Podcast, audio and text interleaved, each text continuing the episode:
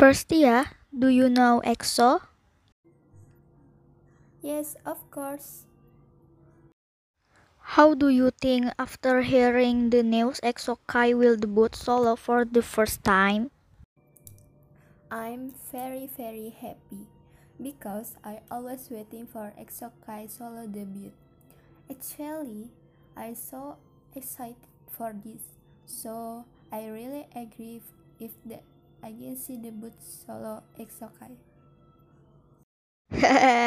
Sam, I'm also really excited about his uh, solo debut. Who is your bias in EXO? My bias is Park Chan-yeol because he is so tall. He is also cool when he rapper. And you, who is your bias? Not sure who is my bias, but I like Baekhyun.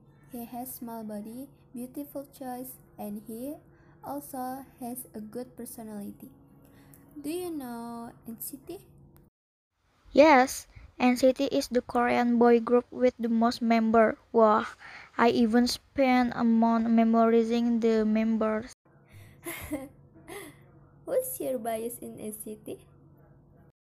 Hmm, I'm not sure. I have bias in NCT.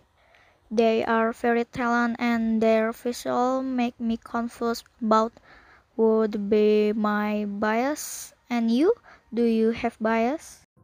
Of course, I'm loyal person. My bias in NCT is Jung Jae-hyun. Have you heard a news lately? Hmm, but what? I think lately I rarely heard the news. About Jaehyun, he is considering a contract to be a role in a drama. Really? I always support Jaehyun to become an actor. I hope he will accept this offer. What the title of this drama? The title of the drama is Love Playlist. Jaehyun will be acting in its fifth season. Wow, I must watch this drama. Thank you, Hafiza. That's very kind of you.